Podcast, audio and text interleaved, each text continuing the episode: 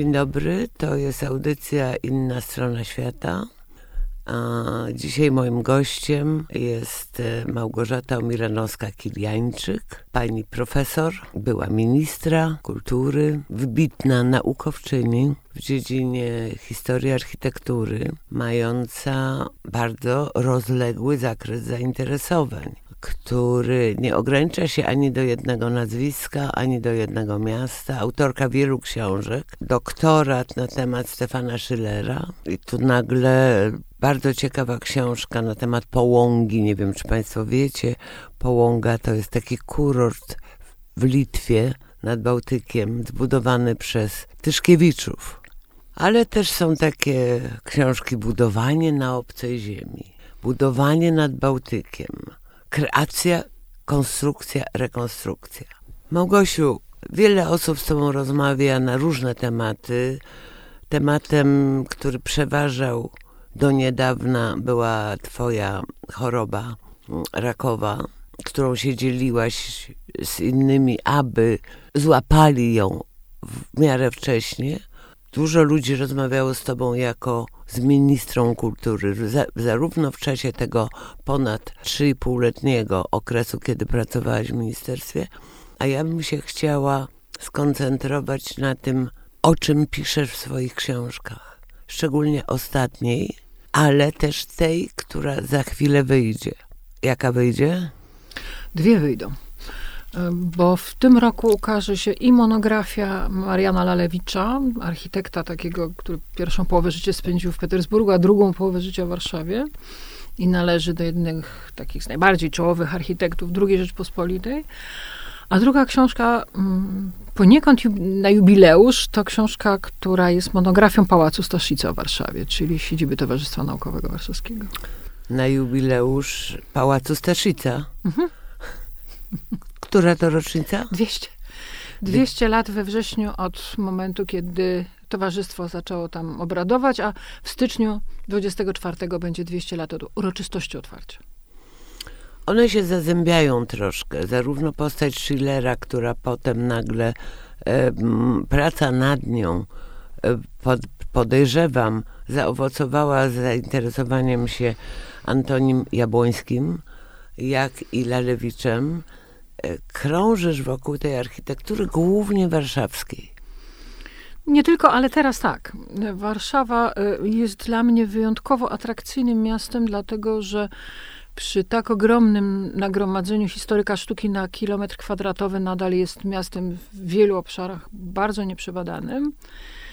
A po drugie, dlatego, że tworzy niesamowicie ciekawą konstrukcję społeczną, zwłaszcza w przełomie XIX i XX wieku, e, która owocowała taką, a nie inną architekturą, a architektura to jest coś, co powstaje na skrzyżowaniu interesów inwestora, i jego wyobrażeń, możliwości architekta i tego, na ile mu się pozwoli rozwinąć skrzydła, no i oczywiście ograniczeń finansowych czy, czy, czy prawno, prawno-finansowych, no, które są oczywiste.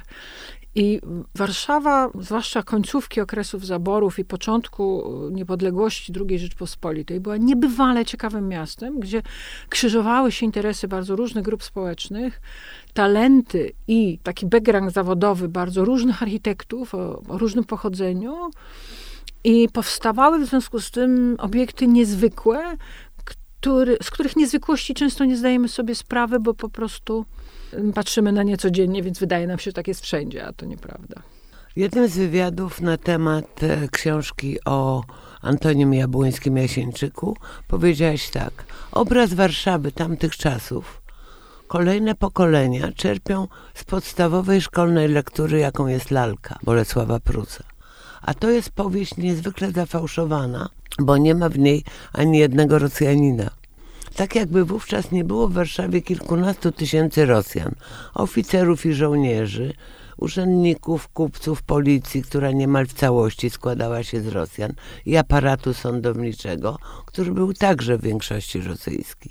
Pracujący w Cesarskim Uniwersytecie Warszawskim profesorowie byli również niemal w 90% Rosjanami. Choć towarzysko środowiska polskie i rosyjskie funkcjonowały rozdzielnie, to zawodowo ze sobą współpracowały. I dalej pisze, mówisz, najbardziej zainteresował mnie właśnie aspekt codziennej koegzystencji, o którym tak niewiele się pisze i mówi. My jesteśmy wychowani na wielkiej, wspaniałej legendzie mitu walki o polską niepodległość przez kolejne pokolenia Polaków żyjących pod zaborami. To jest mit fundowany na powstaniach, poczynając od insurekcji kościuszkowskiej, przez wojny napoleońskie, powstanie listopadowe, styczniowe, aż po działania takich skrajnych bojówek na początku XX wieku, rzucających bomby w kierunku co ważniejszych aparatczyków rosyjskich.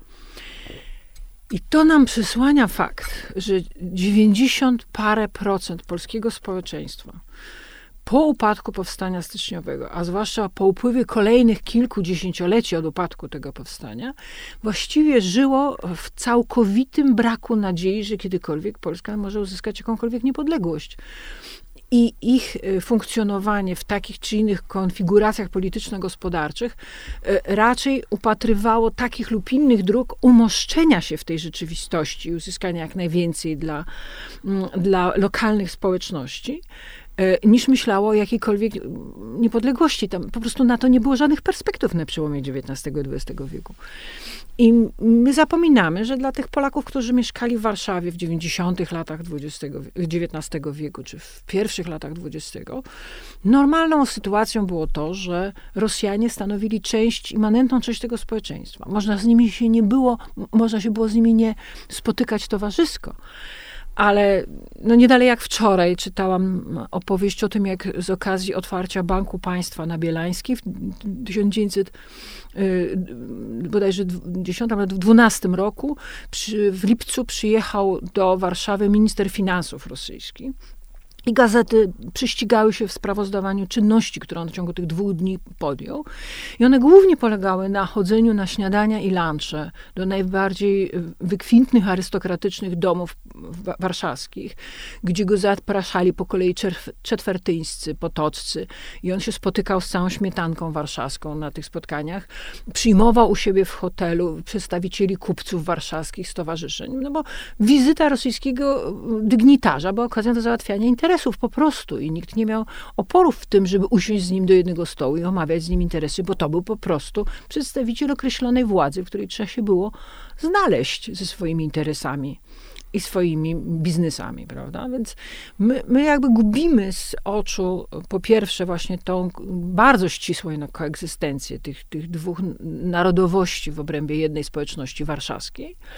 Mm, a co więcej, gubimy też równie konsekwentnie e, spuściznę, jaką tamte czasy pozostawiły i, i rosyjski charakter w dużym stopniu tej spuścizny.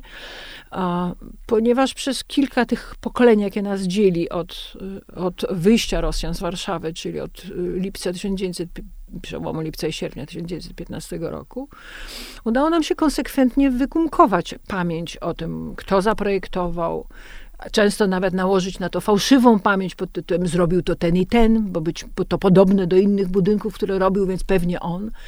I mamy tak naprawdę no, nieprawdziwy obraz tego, jak powstawała Warszawa y, w tamtych czasach. Zdaje się, że w czasach, o których piszesz, nie było określonego zawodu architekta. To byli główni inżynierowie, czy się mylę? Nie, nie, już wtedy byli. I co więcej, to był zawód y, certyfikowany. Ten proces certyfikacji zawodu architekta to jest proces dosyć długi. On zachodził przez cały XIX wiek. Był, odbywał się, że tak powiem, na różnych etapach. Y, ta certyfikacja najpierw była oparta na takich egzaminach państwowych, przynajmniej y, w Warszawie tak było. Natomiast z czasem główną rolę przejęli architekci kształceni w wyższych uczelniach, gdzie dyplomy jakby z automatu certyfikowały do tego zawodu. Oczywiście zawsze trzeba było jeszcze odbyć staż, praktykę zawodową u kogoś, zanim uzyskało się pełnię uprawnień budowlanych. Ale to już było bardzo, bardzo ściśle reglamentowane i e, wręcz w ten sposób, że co roku publikowano listy nazwisk architektów uprawnionych do projektowania i tam bardzo są ciekawe notacje, że, że na przykład byli architekci, którzy byli certyfikowani do projektowania w Warszawie, a byli tacy, co mogli robić to w powiatowych miastach, a w Warszawie nie. Więc by, była dosyć precyzyjnie rozpisana sprawa tych kompetencji, umiejętności, kwalifikacji dopuszczenia do zawodu. A jak było z Jabłońskim? Jabłoński akurat należał do tych y, niewielu, którzy byli absolwentami Akademii Sztuk Pięknych w Petersburgu. No, kilkudziesięciu w sumie Polaków opuściło tą uczelnię, ale większość wchłonął rynek rosyjski, wcale niekoniecznie wracali do Warszawy. Nawet jeżeli się z niej wywodzili. Mm, I miał dyplom architekta artysty, tak się zresztą podpisywał całe życie architekt artysta. Znał doskonale rosyjski i oczywiście znał doskonale rosyjskie wymagania budowlane i przepisy budowlane, bo po y, siedmiu czy ośmiu latach studiów w Petersburgu y, był to właściwie jego zawodowo pierwszy język. A to, co budował, w jakim stopniu było związane z tradycją budowlaną rosyjską? No i to jest chyba najbardziej, najtrudniejsze pytanie, jakie można postawić, dlatego że mm, trzeba rozróżnić dwa obszary. Architektury rosyjskiej, która stara się w takich czy innych układach formalnych odnaleźć jakieś kontinuum tradycji mm, swojego regionu, swojego państwa, swo, swojej przyszłości. I to się przede wszystkim przejawiało w architekturze cerkiewnej, prawda? Bo tam widać bardzo wyraźnie próbę takiej kontynuacji. Także w niektórych kręgach e, środowiskach rosyjskich e, było obecne, na przykład w Moskwie, w architekturze cywilnej czy, czy publicznej, ale w Petersburgu nie, prawda? W Petersburgu nikt nie budował z rosyjska, tak? W neobizantyjskim czy neoruskim stylu, poza cerkwiami. A w Moskwie owszem. Y, natomiast y, druga bardzo silna grupa to architekci, którzy uważają się za spadkobierców y, świata zachodniego i współuczestników świata zachodniego i w pewien bardzo specyficzny sposób interpretują architekturę zachodnią, ale stara, w, w takim bardzo monumentalny i trochę bym powiedziała ordynarny sposób, jak, znaczy mało finezyjny, o może lepiej zabrzmi. I ch, y, chyba takim najlepszym przykładem, gdybym chciała komuś unaocznić, o co chodzi, to jest y, y, gmach obecnej kancelarii e, premiera e, Rady Ministrów. Czyli y, budynek, który został zbudowany w latach 1900-1902 Mm, naprzeciwko łazienek ogrodu botanicznego. Jest gigantyczną budowlą. No, sam portyk jest nowszy, bo to jest krzywda Polkowski po II wojnie światowej, ale reszta budynku to jest właśnie ten projekt z 1899 roku. To jest dzieło generał majora Dmitrija Pokotiłowa z Petersburga, architekta wyspecjalizowanego w budowaniu dużych, monumentalnych przedsięwzięć architektonicznych na potrzeby w stylu zachodnim. Wojska. Nie tylko, bo potrafił wszystko oczywiście, jak każdy architekt, ale on w tym czasie y, projektował trzy właściwie identyczne gmachy takich y, koszar kadyckich y, bo równolegle z Warszawą powstawał taki zespół w Odessie, a jeszcze chwilę wcześniej w Nowoczerkasku. I dla każdego z tych miast wybrał inny kostium stylowy ale dla Warszawy wybrał styl, który sam określał jako styl kostiumu francuskiego w guście Ludwika XVI, jakby ktoś nie wiedział na co patrzy, e, z przekonaniem, że to jest właściwy styl tworzący oprawę i tło dla wydarzeń, jakie się wiązały z funkcjonowaniem Alei Ujazdowskich jako ulicy dojazdowej do rezydencji Romanowych, którzy przez cały okres zaborów mieli oczywiście rezydencję w Łazienkach. W związku z tym każdy kolejny car, który przyjeżdżał do Warszawy, był zawożony właśnie do Łazienek, bo tam mm, nocował i wjeżdżał przez bramę główną od strony Alei Ujazdowskich tam się odbywały główne uroczystości powitalne. W związku z tym korpus kadetów miał tworzyć odpowiednie tło i oprawę dla tych wielkich wydarzeń dla całej Warszawy, bo przecież w powitaniach brała udział cała śmietanka, także polskich obywateli, którzy ubrani w eleganckie cylindry i fraki stali wzdłuż Alei Dojazdowej, y, witając y, panującego. Uniżenie. Uniżenie, tak. No, podejrzewam, że żaden premier urzędujący kolejny w tym budynku nie wie, że zbudowany został przez rosyjskiego architekta. No trudno, żeby wiedział, skoro nie wie to większość historyków architektury, z prostej przyczyny. Dmitrij Pokotiłow zmarł mniej więcej kilka, kilka miesięcy przed rozpoczęciem budowy. Powstała w związku z tym taka luka organizacyjna i y, y, kierowanie budowy powierzono gubernialnemu architektowi, właściwie cyrkułowemu architektowi Wiktorowi Piotrowskiemu, y, który doprowadził tą budowę do końca jako osoba odpowiedzialna za kierowanie pracami budowlanymi i, i no, w materiały tego placu budowlanego. I on uchodzi za autora tego projektu, bo oczywiście jego nazwisko pojawia się przy okazji uroczystości odsłonięcia i od, poświęcenia tego gmachu. Trzeba być oczywiście świadomym tego, że budowniczy cyrkułowy polskiego pochodzenia nigdy nie mógłby zaprojektować gmachu Korpusu Kadytów, który był jedną z największych i najbardziej ambitnych dum inwestycyjnych caratu. Także tam w ogóle nie wchodził żaden Polak w rachubę.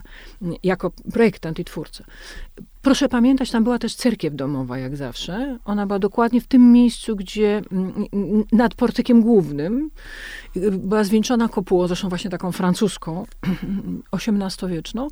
I wnętrze tej cerkwi też projektował Rosjanin, ale mieszkający na stałe w Warszawie.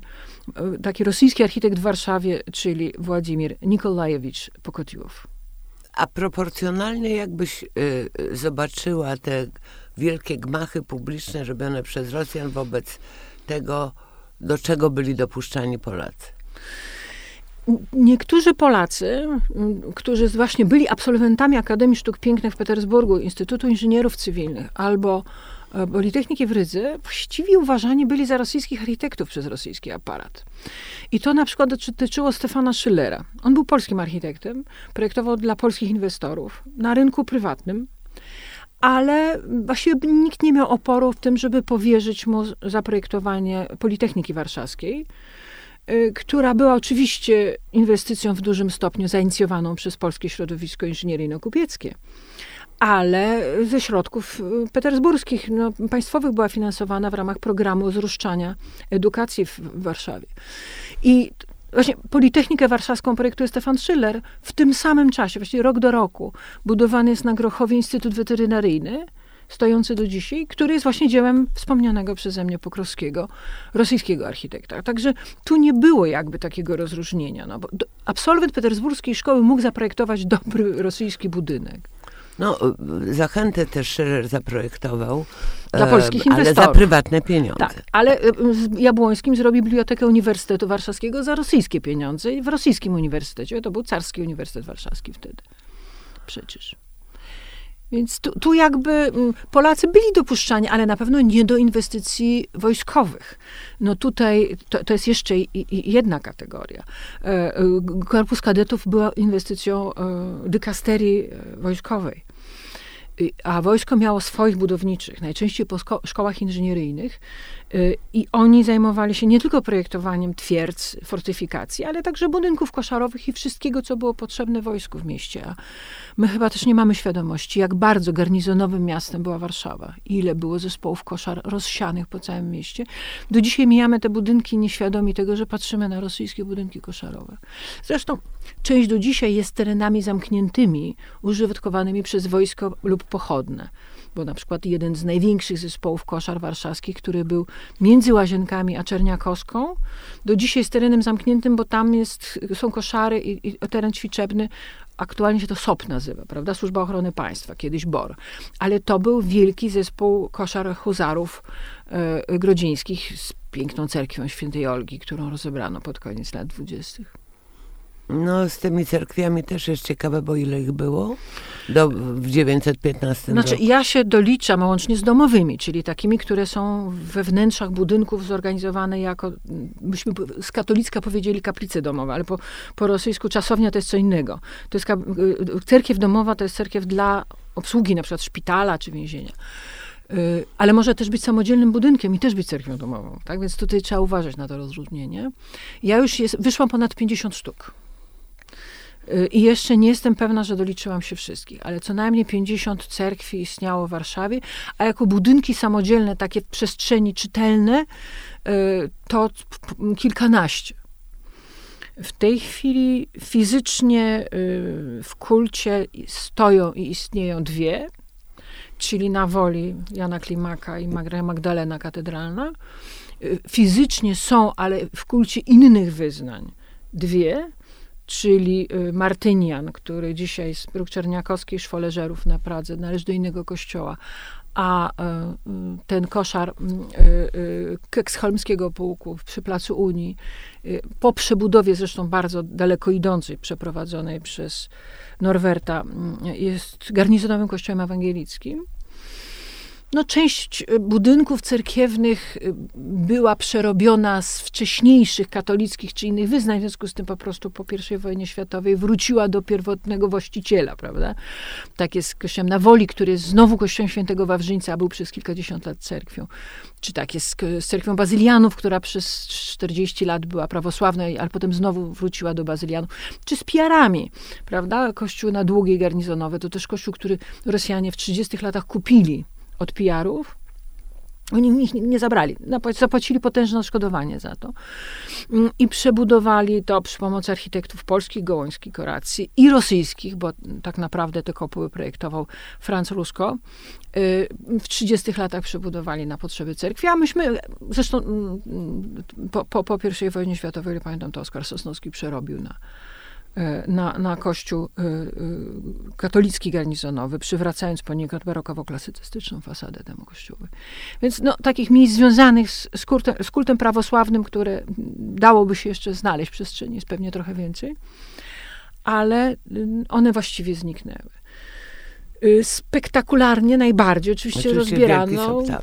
Wielki Sobór, ale on wcale nie był pierwszy. Wcale nie był pierwszy. Warszawiacy wiedzieli o tym, że najbardziej krwawiącą raną na sercu warszawiaków, jeżeli chodzi o zrusyfikowanie przestrzeni Warszawy, bolał ich trakt królewski.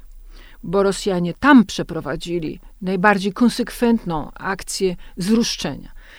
W Zamek Królewski był siedzibą generał-gubernatorów z dużą cerkwią domową, Belweder był zbudowany dla Wielkiego Księcia Konstantego, też z, oczywiście z cerkwią, w której zresztą odprawiano egzekwie po śmierci Konstantego. Łazienki należały do Romanowych.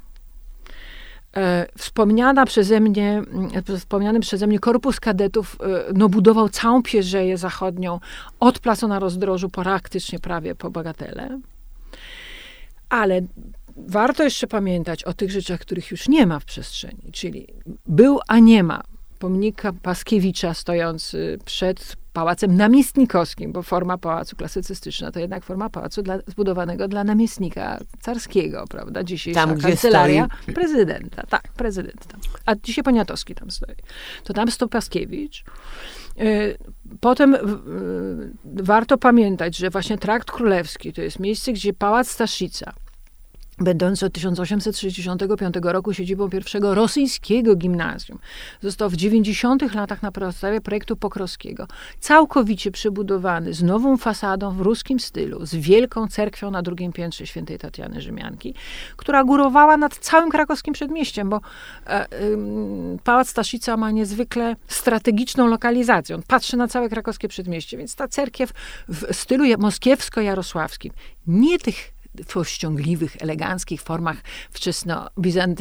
wczesno-romańskich, bizantyjskich, jak y, Benoit nadał y, Aleksandrowi Newskiemu na Placu Soborowym. Nie, nie, nie. To była ostra jazda. Ceramika, majolika, cegła, okładziny. To był najbardziej krzykliwy sposób rozwiązania fasady, jaki znała architektura rosyjska. I to było zupełnie świadomie użyte w tym miejscu. I ten sam architekt, ten sam Władimir Nikołajewicz Pokrowski, który nam przerobił Pałac Staszica, w tym samym czasie zbudował przy placu na rozdrożu w Alejach Ujazdowskich wielką cerkiew świętego Michała Archanioła, która obsługiwała garnizon e, e, e, pułku litewskiego. I te dwie wielkie moskiewsko-jarosławskie budowle stanowiło o rosyjskości tej architektury. Jak dodamy do tego, na szczęście nie zrealizowano Pro, ale projekt już był gotowy. Gmach Teatru Rosyjskiego, Biblioteki Rosyjskiej, który stanął, miał w Parku Ujazdowskim z wejściem od Narożnika Pięknej, tam gdzie teraz Gladiator stoi, to tam stanąć miał wielki rosyjski teatr. Jeżeli przypomnimy sobie, że rosyjski klub był w Pałacu Zamojskich na Nowym Świecie, że właściwie trakt królewski był zrusyfikowany. Nie mówiąc o tym, że tam miały też siedzibę y, urzędy i ministerstwa, delegatury ministerstw petersburskich, prawda? Komunikacji, tam gdzie jest dzisiaj BGK i tam gdzie jest dzisiaj y, y, gmach PZ, dawny PZPR-u, czy późniejszej giełdy papierów wartościowych, że, że to, to ten trakt był kojarzony z władzą, i kojarzone z rosyjską władzą. I Rosjanie dążyli do tego, żeby on był zrusyfikowany. Więc jak Rosjanie wyszli z Warszawy, to warszawiacy natychmiast podjęli kroki derusyfikacyjne, co nie było takie proste, bo trzeba było dopiero rewolucji lutowej i y, y, odejścia od władzy Mikołaja II, żeby Niemcy zdecydowali się, władza okupacyjna niemiecka zdecydowała się Polakom dawać prawo do niszczenia śladów rosyjskości. No jacy dobrzy zaborcy, naprawdę. Bo oni nie chcieli wchodzić w konflikt, nie wiedzieli, jak się ta wojna skończy, więc woleli się z Mikołajem II. Tam mm, dopiero bolszewicy ich przekonali, że już można sobie pozwolić na takie rzeczy. I w 17 roku, jeszcze w czasie okupacji, najpierw poleciał pomnik lojalistów e, z Placu Zielonego, ten koracjański obelisk na cześć oficerów, którzy w powstaniu listopadowym opowiedzieli po, po stronie caratu. Jesienią zdjęto Paskiewicza z, właśnie z Sokołu przed Pałacem Namiestnikowskim. A, A Sokół stoi ten sam, czy może zmieniono? Ja, ja nie, nie, wiem, nie, nie, badałam sprawy Sokołu, powiem szczerze, jeszcze, ale przyjrzę się. I jeszcze w 17 roku skuto elewację z, z Pałacu Staszica.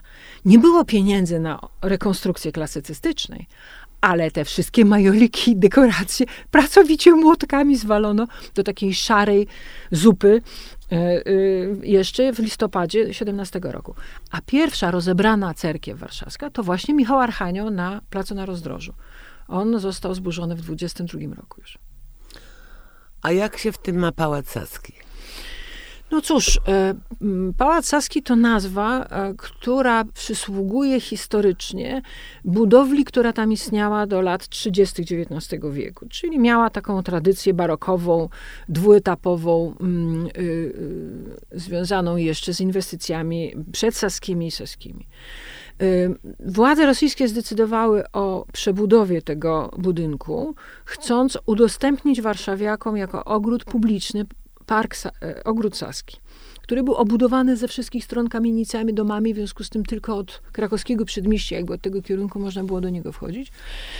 I mimo, że był konkurs rozpisany na projekt i inwestycje, co z tym zrobić, żeby mm, opłacało się go przebudować prywatnej osobie. I chyba z pięciu architektów polskich do tego startowało, bo i Henryk Marconi, i Wacław Ritschel i różni polscy inwestorzy, to oczywiście y, na koniec dnia się okazało, że inwestycje dostał rosyjski kupiec, który y, mieszkał w Warszawie już od lat 20.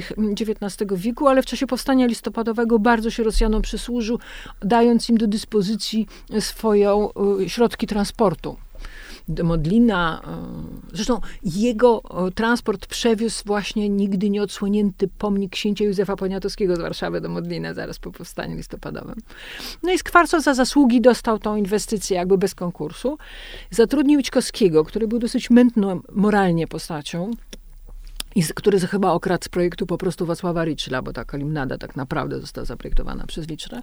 I w dwa lata zburzył, co tam było i na tym miejscu zbudował e, kolumnadę po środku i dwa duże, dochodowe, dwupiętrowe skrzydła pewnie jakieś tam mury, fundamenty, piwnice, kawałek muru pierwszego piętra jednej z oficyn wykorzystał, ale powstała zupełnie nowa całość, taka właśnie surowo klasycystyczna, którą Iwan Skwarcow y, wykorzystywał jako inwestycję dochodową przez 30 y, y, lat y, mm, prawie, prawie 20 parę, podnajmując na mieszkania, skład dywanów, szkołę, tam wszystko było, bo to był po prostu dom dochodowy. Ale po śmierci Iwana Skwarcowa jego spadkobiercy zdecydowali o sprzedaży i wtedy akurat się tak złożyło, że na, doszło do reorganizacji armii rosyjskiej w imperium. Wyodrębniono okręg warszawski wojskowy i ten okręg warszawski potrzebował siedziby na dowództwo. I, I, y, po prostu od y, Skwarcowów kupiono mm, ten budynek, lokując tam sztab generalny Okręgu Warszawskiego Wojskowego. Skwarcow jest pochowany zresztą na cmentarzu cmentarzu ewangelickim w Warszawie i ma taką właśnie bardzo cerkiewne mauzoleum z pięcioma kupułkami. Do dzisiaj można sobie to zobaczyć. Natomiast od tego momentu mm, budynek, który w nomenklaturze warszawskiej nazywany był od lat 30. do początku 60. Pałacem Skwarcowa albo Domem Skwarcowa, stał się po prostu sztabem. I nazewnictwo Pałac Saski y, pojawiło się dopiero po 1918 roku, kiedy próbowano jakby właśnie przejąć pamięć, tak? Czyli pamięć miejsca nałożyć dawną na budynek, który tej pamięci już sobie nie miał. De, czyli de facto decyzja o odbudowie Pałacu Saskiego jest decyzją o odbudowie a, architektury mm, wojskowej, car, carskiej. No dochodowej. Najpierw no, dochodowej, tak. ale no, pamięć historyczna, jeśli o, o, odjąć y, mm, patriotyzm, bo ten patriotyzm też wątpliwy, bo w końcu Sasi nie byli polskim, polską dynastią, którzy ją zbudowali prawda? E, więc mm, mnie właśnie zaciekawia ten upór w potrzebie rekonstrukcji tego rodzaju budynków. Co ciekawe, kiedy Biegański mm, postulował po II wojnie światowej odbudowę Pałacu Saskiego i Bryla, zresztą są takie rysunki. Y, to chciał ją zrobić według starych planów, tak? Tak, nie, on chciał od, tej odbudowy Iczkowskiego, ale nie używał pojęcia Pałac Saski, ponieważ bał się, że po II wojnie światowej powoływanie niemieckich, niemieckiej historii tego budynku jest też niebezpieczne dla decyzji o jego odbudowie, więc zresztą niewykluczone, że Bryla i Saski nie zostały odbudowane właśnie też i dlatego. Chyba nikt się tak specjalnie nie zastanawiał nad tym. Dla mnie istotne w tym wszystkim jest jedno, że my dzisiaj ma, żyjemy trochę w takim micie tego miejsca, grup nieznanego żołnierza, sztab, enigma i tak dalej, zapominając o tym, że Plac Saski po zniesieniu soboru czyli, czyli mm, bo w, chyba w 24 czy 5 dopiero ten, ten sobór przestał tam istnieć, albo 6. Bo jeszcze są takie zdjęcia pokazujące, że książę Józef Poniatowski już stoi w miejscu, gdzie stał w dwudziestoleciu międzywojennym, a sobór jeszcze jest rozbierany. To prawdę powiedziawszy, mm, e, plac Saski przed e, tym budynkiem koszar był placem wyłącznie uroczystości wojskowych.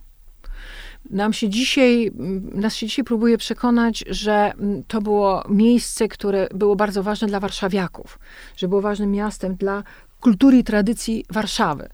A to nie jest prawda, dlatego że e, to był zawsze w tradycji e, plac wojskowy. Przed zbudowaniem soboru, znaczy adres w ogóle Pałacu Saskiego kiedyś w XVIII wieku i pierwszej połowie XIX to było krakowskie przedmieście. Bo przecież Pałac Saski sięgał swoimi oficynami do krakowskiego przedmieścia. Był po prostu taką wielką działką zaczynającą się przy krakowskim przedmieściu. No teraz stoi dom bez kantów i to, hotel europejski. Tak, dopiero te, te budynki, z tym, że proszę pamiętać, że dom bez kantów to jednak jest nieustająco kontinuum tradycji wojskowej tego miejsca. Tak. E, a mm, budynek ten od strony e, placu e, Piłsudskiego to jest lekko przerobiony budynek garnizonu Warszawa, też zbudowanego przez Rosjan w 1900 roku. Mm, I to był zawsze plac wojskowy, manewrowy. Jak się ogląda rysunki, grafiki, zdjęcia wydarzeń, pomijając sprawę budowy i istnienia bardzo krótkiego soboru, to to był zawsze plac przede wszystkim parad wojskowych i różnych przemarszów wojska i takich y, uroczystości o charakterze militarno-wojskowym. No może te tak parady też, wrócą na ten plac. No one są, zresztą przez cały czas tak jest poniekąd, tak? Bo my przed grobem nieznanego żołnierza robimy różne obchody z udziałem wojska. Więc to jest tak naprawdę wojskowe miejsce. Dobrze, a y, Lalewicz działał jednak po, w dużym stopniu po wyzwoleniu. E, czy on się próbował rozprawić architektonicznie z tą przeszłością? A to jest bardzo ciekawe pytanie, dlatego że Lelewicz e, po studiach w Petersburgu, to też absolwent Akademii Sztuk Pięknych, pozostał w Petersburgu i tam e, zrobił karierę. On w 1902 roku obronił dyplom i do 1918 roku mieszkał w Petersburgu z żoną, urodzili się tam jego synowie, mieszkał w mieszkaniu, w domu, który sam zaprojektował. I bardzo intensywnie rozwijał karierę, która jak na Polaka była naprawdę chyba naj, najwyższa z możliwych do osiągnięcia. Pierwsze lata były dosyć trudne, on głównie stażował innych architektów, ale po 1909 roku już zaczął samodzielnie budować, wygrywał w wielu konkursach, chociaż one mu nigdy nie dały żadnej realizacji. I to wszystko się przerywało razem z I wojną światową, nawet nie, tylko dopiero z, z dojściem bolszewików do władzy. I on, jak większość Polaków mieszkających w Pitrze, zdała sobie sprawę z tego, że trzeba brać nogi zapas, póki żyjemy że to się musi źle skończyć. I wyjechał do Polski jeszcze latem 1918 roku. Najpierw zostawiając żonę z dziećmi jeszcze w Petersburgu, dopiero przyjeżdżał do miasta, którego nie znał. On nie był warszawiakiem, on był z Suwałk. Czyli tak naprawdę rewolucja go... E, tak, jego rewolucja wygoniła. I on był suwalszczaninem, w związku z tym on przyjeżdżał do Warszawy, które nie było jego miastem. Po prostu chciał gdzieś znaleźć nowe miejsce do życia dla swojej rodziny. E, rodziny sprowadził w styczniu 19 roku w ostatnim transporcie polskim.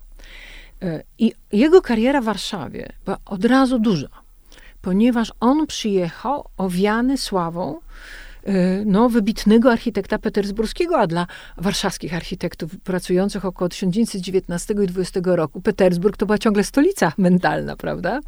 W związku z tym przyjechał stołeczny architekt i będzie z nami pracował. I jego twórczość była bardzo petersburska, mm, ale w tym rozumieniu architektury współczesnej petersburskiej, którą on współtworzył i którą po prostu przywiózł do, do Polski. Natomiast on y, nigdy nie miał y, jakby nabożeństwa do tej tradycji rosyjskiej głębokiej. Y, kochał klasycyzm, kochał antyk, Grecję. W związku z tym, jeżeli mógł się odwoływać do jakichś obiektów petersburskich, które bazowały na tradycji antycznej, to to robił. Mm, ale e, styl ruski był mu obcy bardzo. Nigdy czegoś takiego w życiu nie zaprojektował i, i, i bardzo szybko przystąpił do działań w Polsce. Odpowiadał za doprowadzenie do stanu używalności świadomie tak to określam, wielu najwybitniejszych zabytków warszawskich. Ale błędem byłoby uważać go za konserwatora i restauratora tych zabytków, ponieważ jego zadaniem było ich adaptacja na potrzeby aktualne y, władz rządu polskiego, który potrzebował po prostu postawienia na nogi Pałacu Raczyńskich na potrzeby ministra sprawiedliwości, Pałacu Namiestnikowskiego na potrzeby y, Rady Ministrów i y, siedziby kancelarii premierowskiej drugiej RP jednym słowem był człowiekiem, który stawiał na nogi te zabytki po to, żeby można było tam elegancko funkcjonować. A mm, sprawy e, pietyzmu w odniesieniu do obiektów zabytkowych były na drugim planie. To zresztą widać na przykład w tym, jak on e, wyremontował budynki koracjańskie na placu bankowym, te, które mm, trzy, czyli bank z giełdą, pałac ministra skarbów i siedziba komisji rządowej. Mm, one zostały przez niego po prostu wyczyszczone, żeby, uładzone, żeby tam się dobrze funkcjonowało, ale w banku e, nie, nie usunął żadnej z przeróbek, które Rosjanie, korzystając z tego budynku, zrobili, bo zamurowali arkady na pierwszym piętrze, zamurowali arkady na parterze, w końcu przełożyli stropem tą wielką salę cylindryczną. On to wszystko tak zostawił. On to po prostu tylko odremontował na nowe potrzeby, ale nie przywracał formy dzisiejszy stan tych budynków to zasługa Biegańskiego, który po, po II po wojnie światowej odbudował, bo one były ruinie, ale, ale Lalewicz nie, nie, nie przywracał żadnego stanu, bo każdy metr kwadratowy się liczył. Pieniędzy nie było, także to była bida sytuacja i po prostu trzeba było szybko to odmalować, zrobić nowe drzwi, żeby pani sekretarka wiedziała, jak wejść do gabinetu dyrektora i to wszystko. Podoba mi się to twoje praktyczne podejście i ta wizja architektury jako czegoś, co wymaga tych trzech a, nóg tym pieniędzy. Ale mm, pokazałaś mi przed naszym spotkaniem miejsce, w którym Lalewicz zginął po powstaniu warszawskim. Tak, to taka dramatyczna historia w jego życia. On był jeszcze w czasie wojny bardzo aktywny. To już był starszym panem, ale bardzo mocno aktywnym zawodowo. Uczył na kompletach nielegalnie i w tam, gdzie się dało legalnie. Uczył architektury, uczył historii architektury. Pracował też w takich zespołach, które zajmowały się dokumentowaniem strat, jeżeli chodzi o zabytki Warszawy, bo te z 39 września wydawały się już takie dramatyczne. Nie kto wiedział, że to miasto i tak przestanie istnieć później. E, był bardzo aktywny, pracował też bardzo dużo naukowo. E, chciał doprowadzić do finału taką książkę Hellada, która miała opowiadać o takim sumie dziedzictwa e, greckiego, bo Grek, Greków tak cenił najwyżej. Tak, tak, tak. I przygotowywał czterojęzyczny słownik architektoniczny, który miał pomagać też studentom. E, został w 1942 roku wyrzucony przez Niemców razem z żoną e, ze swojego domu własnego, bo on miał w kolonii profesorskiej na Górnośląskiej nieduży dom. Tam mieszkał z żoną i teściową. Synowie wojny wyjechali przez Zaleszczyki i spędzali już poza Polską. I ich wyrzucono z tego domu i przeprowadzono do mieszkań, które e, były na Muranowskiej, na Placu Muranowskim, Y, po stronie północnej, czyli tej y, koło, wzdłuż murów getta, ale poza gettem. Także on tam od 1942 roku przez okna z trzeciego piętra widział całą tragedię getta, no przed domem ją miał po prostu. No i niestety w Powstaniu Warszawskim y, nie dał rady opuścić tego domu. Zeszli wprawdzie we trójkę do piwnicy i przebitymi piwnicami przedostali się kilka domów bliżej Starego Miasta, ale 90-ponadletnia już wówczas teściowa Lalewicza nie chodziła, a jego żona miała zaawansowanego Parkinsona i on po prostu nie był w stanie przetransportować tych dwóch kobiet dalej. W związku z tym zdecydował się zostać, więc jak e, Moranowska została zajęta przez Niemców, którym bardzo zależało na dojściu do Starego Miasta od północy i od zachodu, mm, to wypędzono całą ludność cywilną, rozdzielono kobiety i mężczyzn. Kobiety przepędzono do E, na dworzec zachodni, żeby je wywieźć do Piaseczna. I podczas tej drogi ta teściowa umarła zresztą. Żona zdołała dotrzeć, ale teściowa zmarła. Natomiast on ze wszystkimi innymi mężczyznami po prostu został zamordowany. I tu na Dzikiej jest taka kamienica, e, która przetrwała chyba jako jedyna przedwojenna. I na jej podwórku zgoniono tych wszystkich mężczyzn, rozstrzelano i ciała spolano benzyną i spalono.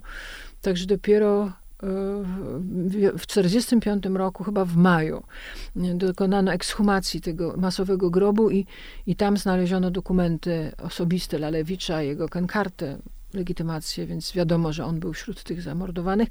Ale rodzina już wtedy była w Krakowie, więc nikt się w porę nie zgłosił ani po to ciało, ani po, po te dokumenty, więc on oczywiście jego prochy spoczęły ze wszystkimi na cmentarzu Powstania Warszawskiego na Woli.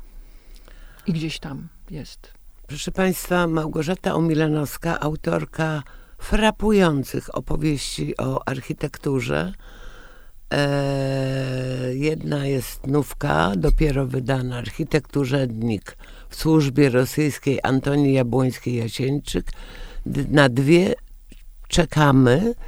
Przypominam, jedna to jest monografia jubileuszowa Pałacu Staszica, druga jest monografia Mariana Lalewicza, architekta Warszawy. Ja Ci dziękuję, Małgosiu. Cieszę się, że nie rozmawiałyśmy o Ministerstwie Kultury ani o chorobach, tylko opowiedziałaś nam e, no i, może promil tego, co wiesz, a reszta niecała w książkach. Dziękuję bardzo. Dziękuję pięknie. To była audycja Inna strona świata, Anda Rottenberg.